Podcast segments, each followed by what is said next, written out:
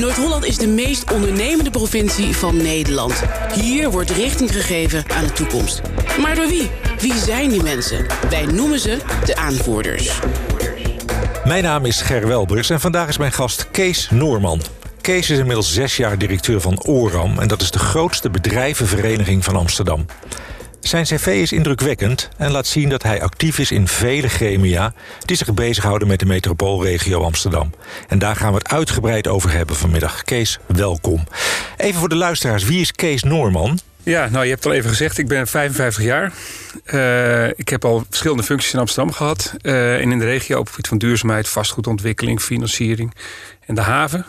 En uh, ja, ik ben nu een jaar of zes directeur van ondernemersvereniging ORAM. En probeer daarmee het ondernemers- en investeringsklimaat en vestigingsklimaat in de grote regio Amsterdam zo goed mogelijk te bewaken. Ja, ja want de bedrijvenvereniging, ORAM, hè, waar, waar staat dat precies dan voor? Hoeveel leden hebben jullie bijvoorbeeld? Ja, we hebben zo'n 600 uh, leden. Uh, uh, rijp en groen door elkaar, verschillende sectoren. we hebben wel een, een, stevige basis in de haven en industrie. Maar we zijn bijvoorbeeld ook heel sterk vertegenwoordigd op de Zuidas. Dat zijn eigenlijk domeinen waar het ook wat, vaak wat rommelt. Hè. Dus er gebeuren veel dingen. En uh, nou, op het moment dat het wat gaat rommelen, dan, uh, dan komen wij in onze kracht, om zo te zeggen. Ja, nou weet ik, 600 bedrijven, dat ja. klinkt uh, indrukwekkend. Maar er zijn er natuurlijk Ja, er zijn 40.000. 40.000, ja. ja, dus, en je ziet ook dat in Amsterdam er wel meer ondernemersverenigingen zijn. Wij zijn weliswaar de grootste. Maar daarmee geef je ook direct aan dat de organisatiegraad onder het bedrijfsleven nog wel iets zou kunnen verbeteren. Mm. Merk je dat leden op een natuurlijke wijze naar jullie komen op het moment dat zij ook belang hebben bij een goede vertegenwoordiging zeg maar, binnen ja, de politiek je, en zo. Ja, dat denk ik wel. Je kunt het wel in twee uh, verschillende groepen onderscheiden, denk ik, onze leden. Uh, partijen die het belangrijk vinden om in een, in een zakelijk netwerk te komen. Uh, om daarmee meer zaken te kunnen doen met elkaar. Dat zijn de partijen die ons, ja, lid van ons worden puur voor het netwerk. Maar er zijn ook heel wat bedrijven die het belangrijk vinden dat iemand uh, hun belangen wat in het oog houdt. Het is vaak voor een bedrijf individueel lastig om alles in de gaten te houden.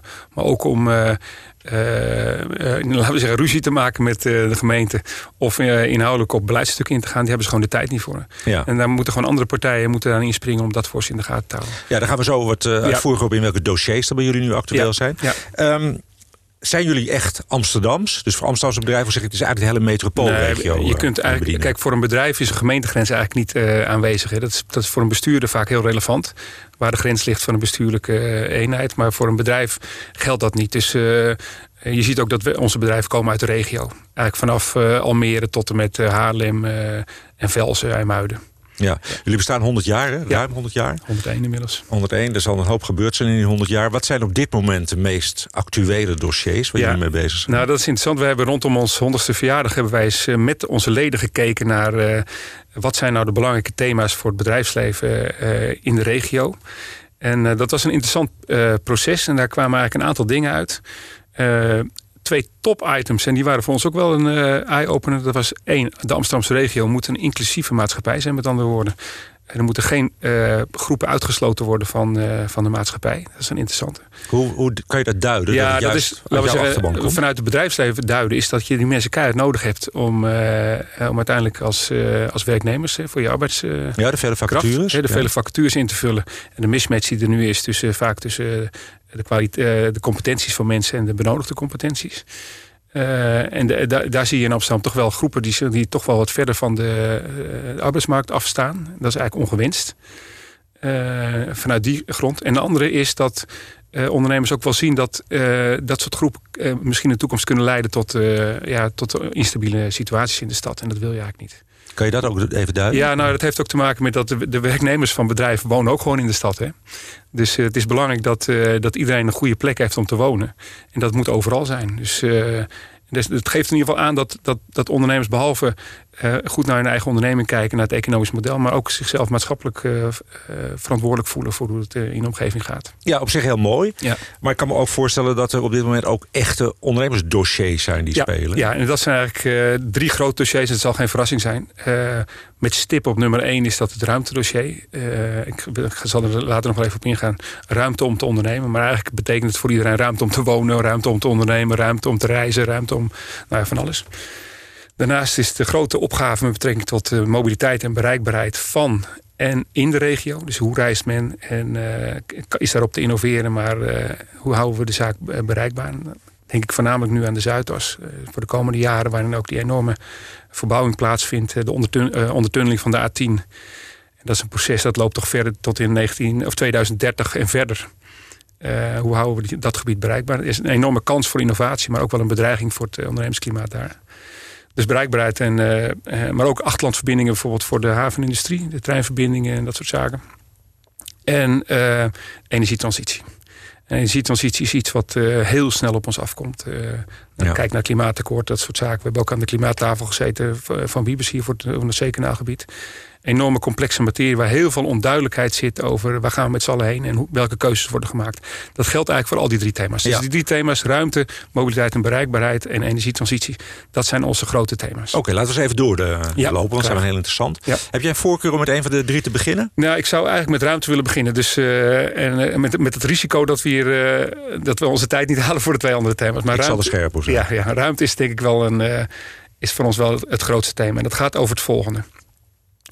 Uh, er is een, een, de, de, stad groeit en er is een enorme behoefte aan woningbouw.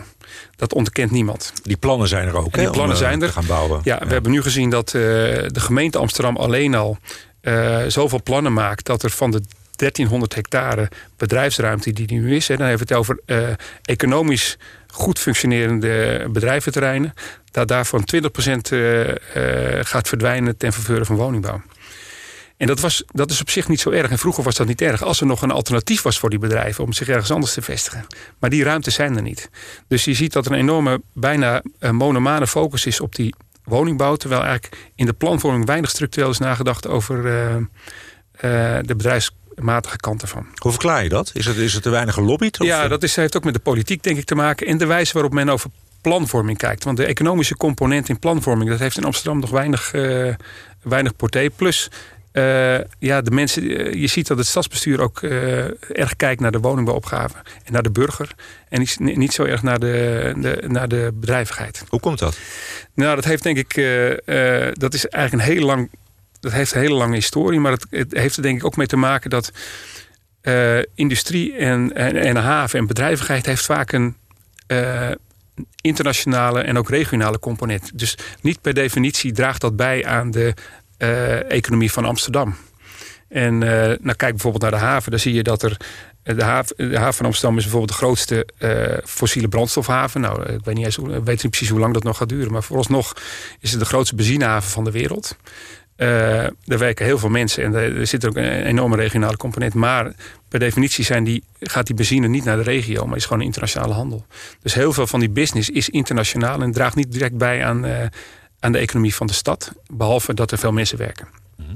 En uh, ja, daardoor is er op het stadhuis ook weinig expertise opgebouwd op al dit soort dossiers. Terwijl Amsterdam als, als stad, als metropool, ja. wel een heel actief wervingsbeleid voert. Ja, maar je ook zegt, in het buitenland. Maar je zegt hier eigenlijk twee dingen door elkaar. Je zegt uh, Amsterdam als stad en als metropool. Maar dat zijn echt twee verschillende dingen dus ik zou graag zien dat Amsterdam zichzelf zag als metropool. Met andere woorden, samenwerken met de gemeentes om je heen. Om met elkaar de problemen en de, vraagstukken te bespreken. Maar je ziet dat Amsterdam toch heel erg binnen de eigen gemeentegrenzen uh, denkt. Dat heeft dan te maken, je ziet dat uh, in de planvorming rondom woningbouw. Daar probeert, eigenlijk, probeert ze alles in de, binnen de gemeentegrenzen te duwen. En dat je, eigenlijk zou je dat één laagje hoger moeten trekken. En zeggen van als we die problemen nou eens benaderen in de metropool. Dat betekent dat we niet zoveel huizen moeten hoeven te bouwen in Amsterdam. Maar dat we misschien op andere plekken in de metropool zouden kunnen. Hetzelfde geldt voor bedrijvigheid. Zouden we dat misschien kunnen verspreiden in de, in de rest van de metropool. Dat kan waarschijnlijk wel. Alleen dan moet je wel met elkaar uh, in goede constructieve dialoog gaan. En je ziet nu dat er weliswaar binnen de metropoolregio Amsterdam een soort overlegstructuur is. Maar dat iedereen uiteindelijk weer binnen zijn eigen gemeente besturen uh, in die goedkeuring moet komen. En, kan je dat verklaren waarom daar dat, dat stapje naar het niveau hoger niet wordt gemaakt? Ja, nou ja, ik, dat kan ik heel makkelijk verklaren. Dat heeft gewoon te maken met het uh, democratische en het bestuurlijke uh, model van Nederland. Hè. En het betekent eigenlijk dat op het moment dat je, je een stuk van je macht weggeeft aan een ander gremium, bijvoorbeeld de provincie of een, of een instituut dat met MRA is, dan gaat het ten koste van je eigen positie. Dat is niet makkelijk. Mm -hmm. Maar uh, we hebben eigenlijk op de domeinen waar ik het net over had, die drie domeinen, ruimte, mobiliteit en bereikbaarheid en uh, energietransitie, zijn eigenlijk per definitie gemeenteoverschrijdende dossiers. Ja, want jullie hebben op ruimte dat onderzoek gedaan. Ja. Wat, wat, zijn daar de, de headlines ja. uit? We hebben een heel interessant onderzoek laten doen. Dat gaat eigenlijk over twee dingen. We hebben eens een analyse gemaakt van uh, wat is nou eigenlijk die capaciteits, wat, is nou, wat zijn die capaciteitsissues. En hoe kunnen we nou met elkaar samenwerken om te komen tot betere oplossingen van die vraagstukken? Het leuke ervan is, nou ja, we hebben dus eerst gekeken, nou, we hebben die, de, alle planvorming van de stad over de bedrijventerreinen heen gelegd. dan hebben we het over de gemeente Amsterdam. Hè. En daar bleek dus eigenlijk dat de optelsom van alle behoeftes, van alle ruimtes, die zijn dus niet te vinden in de, in de stad. Je bedoelt de behoefte voor de woningbouw, de behoefte voor uh, nieuwe ondernemingen. Ja, want, daar, daar, daar zit een. Uh, ja, want er, is al één logisch, logisch uh, uitgangspunt: is dat als de stad groeit, dan heeft hij ook meer behoefte aan uh, afvalverwerking, uh, stadsdistributie, bouwlogistiek. Dus je hebt, als een stad groeit, heb je eigenlijk ook al meer behoefte aan bedrijventerreinen. Mm Dus als je in je planvorming dat niet doet, dus met andere woorden, je laat de bedrijventerreinen afnemen terwijl de stad wel groeit, ja, dan kun je er eigenlijk al uh, van uitgaan dat er iets gebeurt met betrekking tot die bedrijventerreinen. Die moeten dan blijkbaar buiten de gemeentegrenzen komen. Nou, dat impliciete van jouw eigen planvorming, dan zeg je eigenlijk, ja, ik wil eigenlijk de lusten, dus woningbouw. En de bedrijven, die wil ik eigenlijk liever niet. Laten die maar ergens anders heen gaan. En als je daar, eh, als je daar niks mee doet of je bespreekt het niet... dan zeg je eigenlijk tegen je buurgemeentes... jullie krijgen de bedrijventerreinen en ik doe de, uh, de woningen. Zitten die, ja, die, zeggen, die buurgemeenten nou, op te wachten? Nee. Nee, die zeggen gewoon doei. waarom, waarom zeggen ze doei? Het is toch ook interessant om, uh, nou, mooie bedrijven in je gemeente ja, maar kijk, ik denk dat elke gemeente zegt... wij willen met jullie een dialoog over deze problematiek. En laten we eens kijken tot welke oplossing we komen. Dat is iets anders dan dat iemand tegen jou zegt... wij, wij willen woningen bouwen en we hebben een ander probleem... moet jij maar voor ons oplossen. Noemen we dat in de volksmond ook de Amsterdamse arrogantie? Ja, ik, ik, ik, weet niet eens of het bewust arrogantie is. Dat maakt het ook wel zo ernstig eigenlijk. Dus op het moment dat het nou bewust arrogantie was... dan zou ik nou zeggen, nou lekker, dat is stoer.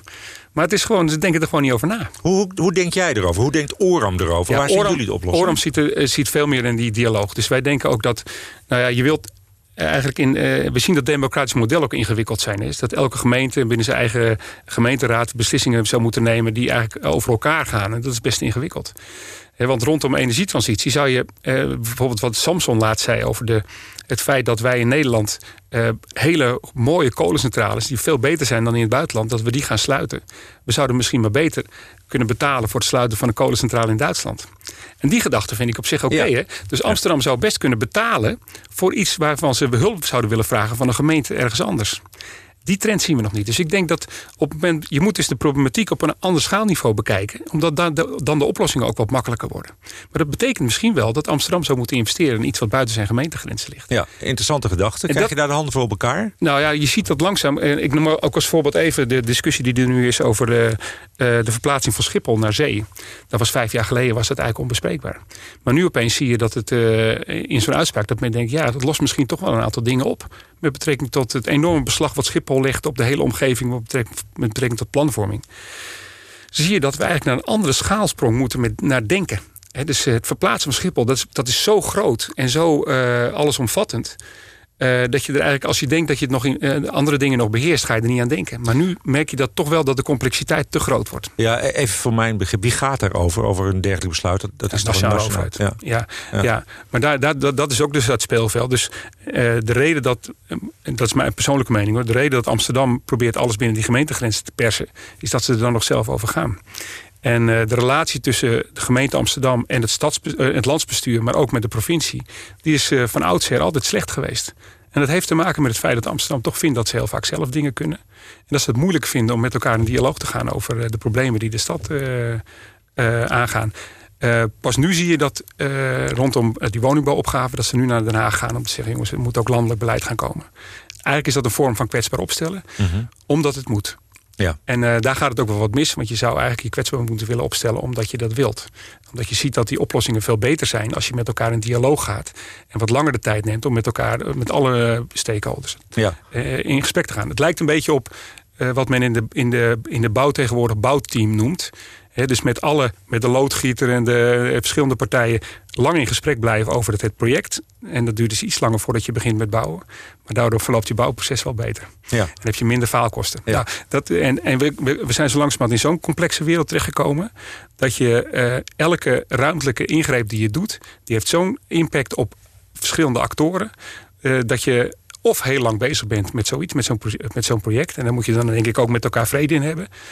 Of dat je met elkaar naar een ander schaal, uh, schaalniveau gaat en naar hele andere oplossingen gaat kijken. Maar de complexiteit is groot. Daarnaast zijn de veranderingen die gaan razendsnel, hè, ook mondiaal. Ja.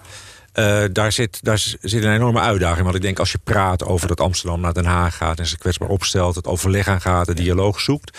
dan weet je één ding, dat voordat dingen gerealiseerd zijn... zijn we heel veel jaren verder. Hebben we die tijd wel? Hoe zie je dat? Nou ja, het zal wel moeten, denk ik. Kijk, uh, de planvorming rondom de, rondom de ruimte... is sowieso altijd iets wat, wat heel lang duurt. Hè?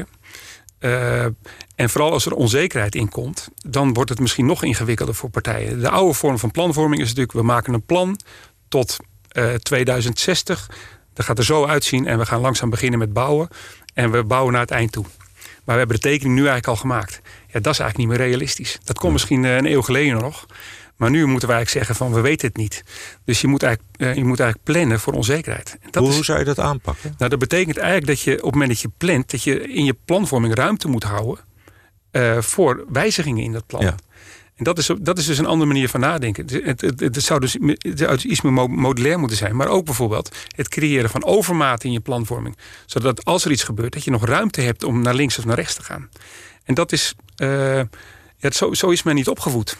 En uh, dus de, de onzekerheid en de, en de wijze waarop je, je nu uh, gedwongen wordt om uh, met je kostbare ruimte om te gaan, dat dwingt ook eigenlijk tot iets meer rust en meer dialoog.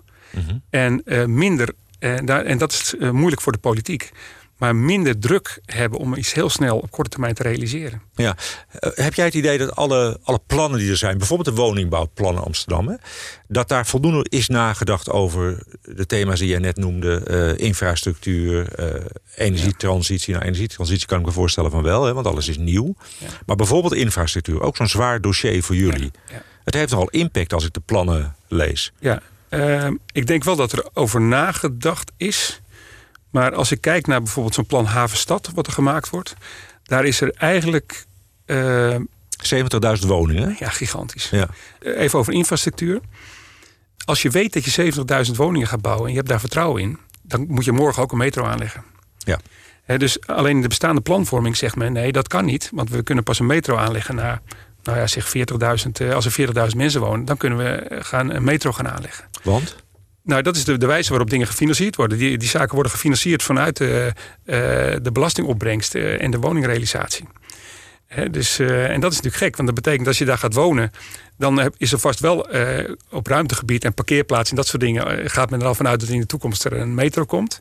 Maar die metro komt er eigenlijk pas over 15 jaar. Maar dat is toch gek, want dan, ja. dan die metro dan aanleggen op zo'n late reis is natuurlijk veel duurder dan nu. Veel als, duurder. als het nog braak ja, ligt allemaal. Ja, ja. dus ja. dat doen ze bijvoorbeeld in, de, in Denemarken en Zweden doen ze dat gewoon anders. Daar beginnen ze gewoon met, dat, met die infrastructuur aanleggen. Omdat er ook wetenschappelijk aangetoond is dat rondom die infrastructuurknooppunten, daar wordt die ontwikkeling vindt, die, vindt plaats. Ja. Dat is gewoon, dat is een fact. Ja. En alleen wij doen het andersom. Wij denken, we gaan eerst die, die vastgoedontwikkeling doen. En dan later gaan we, die, gaan we wel kijken hoe we daar met invloed... Nou, dat is Wij op eerst ons eigen probleem en kiezen dan voor een hele dure oplossing. Ja, en dat is heel ingewikkeld. Want dat ja. betekent dat je altijd hele periodes krijgt dat mensen ontevreden zijn. Kijk bijvoorbeeld naar Eiburg 1 hebben ze dat ook niet goed gedaan. Dan zie je plotseling dat mensen weer twee auto's voor de deur hebben. Gewoon omdat er geen goede OV-infrastructuur is. En uh, dus daar moet je eigenlijk mee beginnen met je, met je overinfrastructuur. En dat heeft ook te maken met, met, met een andere vraag. Dus op het moment dat je buiten de gemeentegrenzen kunt nadenken... en je kunt uh, zeggen, niet iedereen kan in Amsterdam wonen. Want er is een andere dat men politiek zegt... iedereen wil in Amsterdam wonen. Ja, dat begrijp ik wel. Mm -hmm. Het kan alleen niet meer. Dus de, en op het moment dat je dan zegt... Iedereen, niet iedereen kan in Amsterdam wonen... maar moet er wel binnen een redelijke tijd in Amsterdam kunnen komen. Ja. Een voorbeeld is bijvoorbeeld uh, een hotelier in Amsterdam. He, die is uh, tot laat open en dan moeten mensen tot laat werken. Die mensen kunnen eigenlijk niet meer in Amsterdam wonen. De salarissen zijn te laag.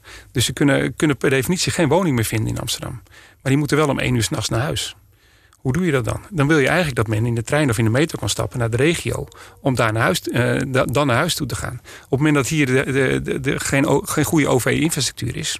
Light rail systeem of whatever. Dan uh, maak je het eigenlijk heel ingewikkeld voor de bedrijven uh, om te kunnen functioneren binnen dit systeem.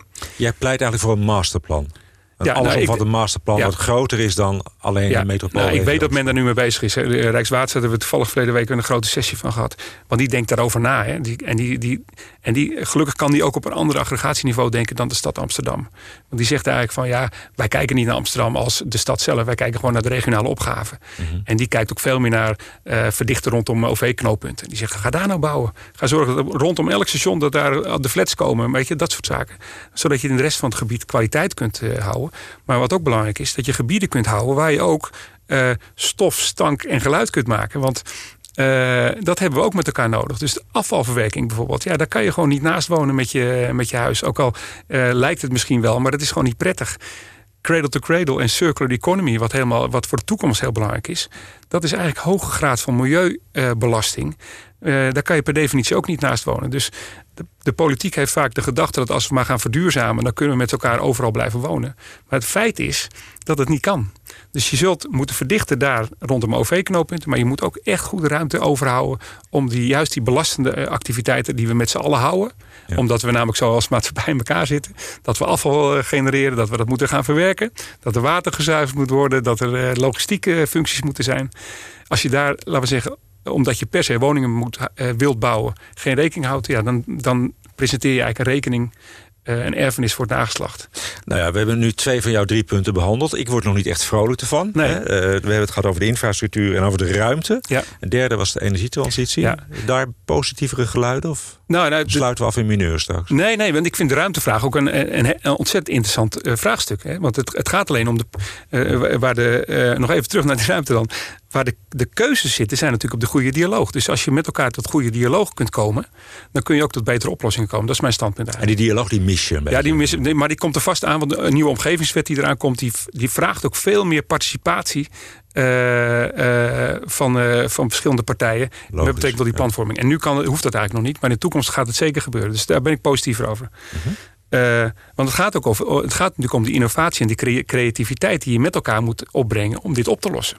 Daar, zit die, daar zitten leuke dingen in, de innovatie. Maar dat betekent wel dat je rust met elkaar moet hebben om met elkaar tot die innovatie te komen. En uh, dan met de energietransitie. Ik denk dat de energietransitie per definitie uh, een ontzettend uh, belangrijk onderwerp wordt. En daar zit voor Nederland, denk ik, en ook voor de regio, hele interessante kansen om met betrekking tot innovatie en, en de arbeidsmarkt van de toekomst. Want uh, op het moment dat wij daar voorloper in kunnen zijn, ja, dat uh, heel Kan je groot... voorbeeld noemen van jezelf? Daar zit bijvoorbeeld echt. Nou ja, een grote, grote discussie natuurlijk is: wat gaan we met waterstof doen in de toekomst? Hè? De waterstof, dat, is, dat, is, dat, dat, ziet men als een hele kansrijke energiebron. Daar kan je op rijden, daar kan je energiedingen doen. daar moet, als je daarop kunt innoveren, met elkaar. Daar heb, je, daar heb je heel veel energie voor nodig. Dus daar hebben we al die windmolenparken voor nodig... die uh, ons van energie moeten voorzien. Uh, om waterstof te kunnen maken. En laten we zeggen, de pioniers daaromheen, dat zijn de Nourion, dat is de afsplitsing van uh, uh, Axonobel. we zien Dow Chemical investeert samen met Tata Steel nu al op dit domein. Er gaan enorme investeringen komen om bijvoorbeeld uh, waterstof te maken, maar bijvoorbeeld ook van CO2 synthetische vliegtuigbrandstoffen.